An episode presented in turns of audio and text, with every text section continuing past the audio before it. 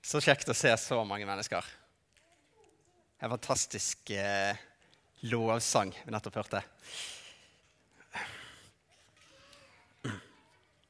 Jeg tar og ber litt før jeg begynner.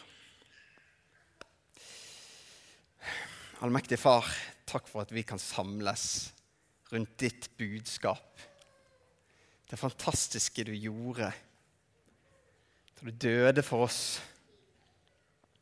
Men du ga deg ikke der. Du sto opp igjen. For du har all makt, og døden kunne ikke holde deg nede. Det takker jeg for. Og så må du hjelpe oss å forstå ditt ord. Og hjelpe oss å forstå det vi synger om.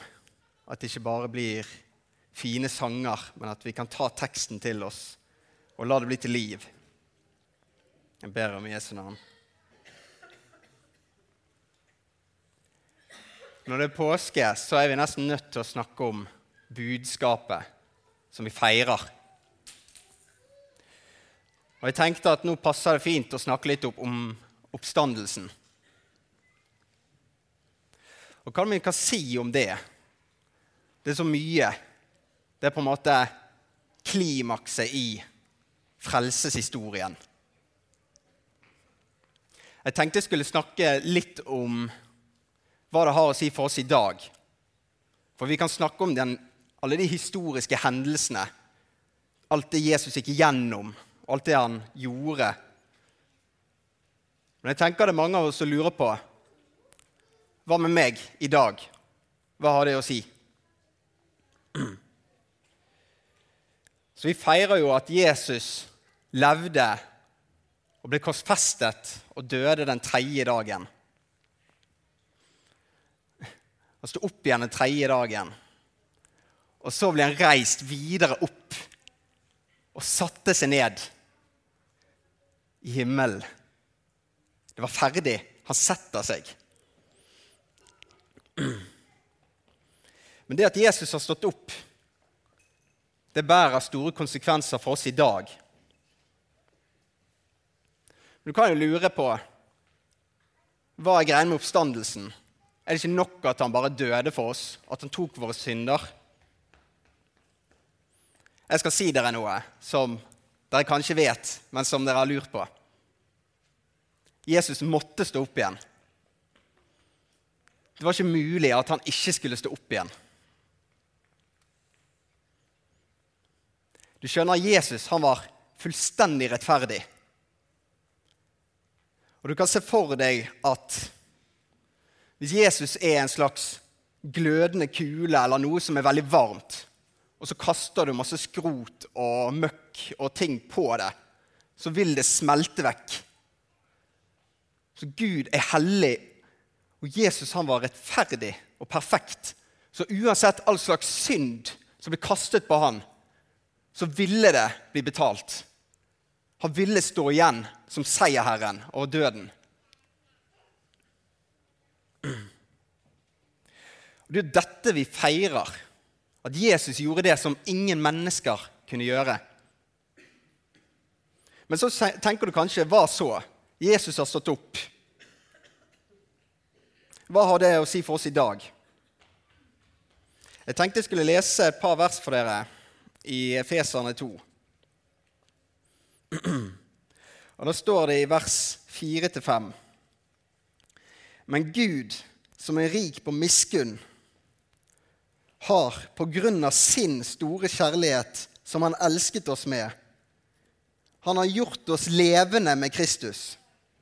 Vi som var døde ved våre overtredelser.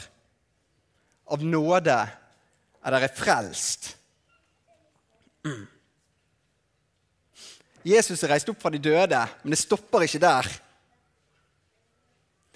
Det er som at vi har blitt frelst ved Jesus og dratt opp med han. Vi som var døde pga. våre overtredelser, har fått liv. Og jeg tror at for at vi skal sette pris på det Jesus har gjort for oss, så er vi nødt til å se litt på hvor vi var. Paul sier vi var døde. Hva så? Hva er det? Hva betyr det at vi var døde? Det står også et 'men' der i vers 5. Det begynner med et 'men'. Det er pga. han har sagt noe veldig viktig før dette verset. Han snakker nemlig om vi som, var, vi som er kristne i dag. Hva er det vi er frelst fra? Hva er det vi var? Og Da nevner han fem ting for å egentlig vise oss hvor døde vi var. Og på en måte tråkker oss ned i driten, sånn at han senere kan snakke om hvor utrolig høyt han har reist oss opp. Men da må vi først forstå hvor vi har vært. Og de fem tingene han sier, det er at vi var døde pga. vår overtredelse og synder. Vi var døde fordi vi vandret etter denne verden, og vi ønsket å være som verden og følge den. Vi var døde pga. vi var under makten til djevelen. Vi hadde ikke på en måte, Vi er nødt til å følge på en måte veien som denne verden går, og det som djevelen har makt under. Og Vi var døde fordi vi var slaver under våre egne kropper vi følger våre egne lyster. Vi følger skjødet, og det er den lengter etter. Og til slutt var vi døde fordi vi var av naturens vredens barn. Vi har arvesynd. Vi klarer ikke å gjøre det gode. Bibelen sier at ingen gjør det gode. Men det stopper heldigvis ikke der. Paulus har et fantastisk budskap å fortelle oss i Efeserbrevet. Men da kan vi spørre oss på hvilken måte har han gjort oss levende? Jeg har et bilde igjen. da. Du kan se for deg at når Jesus ligger i graven, og så reiser han opp Så reiser han ikke opp alene og drar opp til himmelen, men han drar oss med seg. Vi ligger i graven, og vi er døde. Og vi holder oss fast til Jesus, og han reiser oss opp fra de døde sånn at vi blir levende med Kristus. Vi blir fri fra kjøttet, vi blir fri fra synden. Vi får et nytt liv. Og det er dette som er så fantastisk. Det handler ikke bare om historiske hendelser som Jesus gjorde den gangen. Men det er relevant for oss i dag. Vi har blitt reist opp med Kristus, vi som har satt vår lit til Han ikke vi som går i kirken og følger en tradisjon, men vi som har lagt all vår lit til Jesus. Du er vårt eneste håp. Jeg klarer ikke dette alene. Jeg er død i min synd uten deg. Vi har fått liv. Og Det er det som er så fantastisk med påsken. Og Så står det i vers 5 at av nåde er dere frelst. Skulle vi klare å dra oss selv opp av graven? Vi kan ikke gjøre noe som helst. Det er bare ved nåde. Vi kan ikke late som vi er rettferdige og gjøre gode handlinger og bli frelst. Men det er bare Jesus som frelser. Og så har vi så mange løfter om at Jesus hører på alle som kommer til ham. Han vil ikke støte noen fra seg. Og da tenker jeg at vi er nødt til å stole på Jesus her. Han er mektig, og han har gjort alle disse undrene. Og han sier at de peker på han for, for, at han skal kunne si at 'jeg er den jeg sier at jeg er', og 'jeg holder mine løfter'. Og det står at det var ikke noe svik i hans munn. Vi kan stole på det Jesus har sagt, og det han har lovet.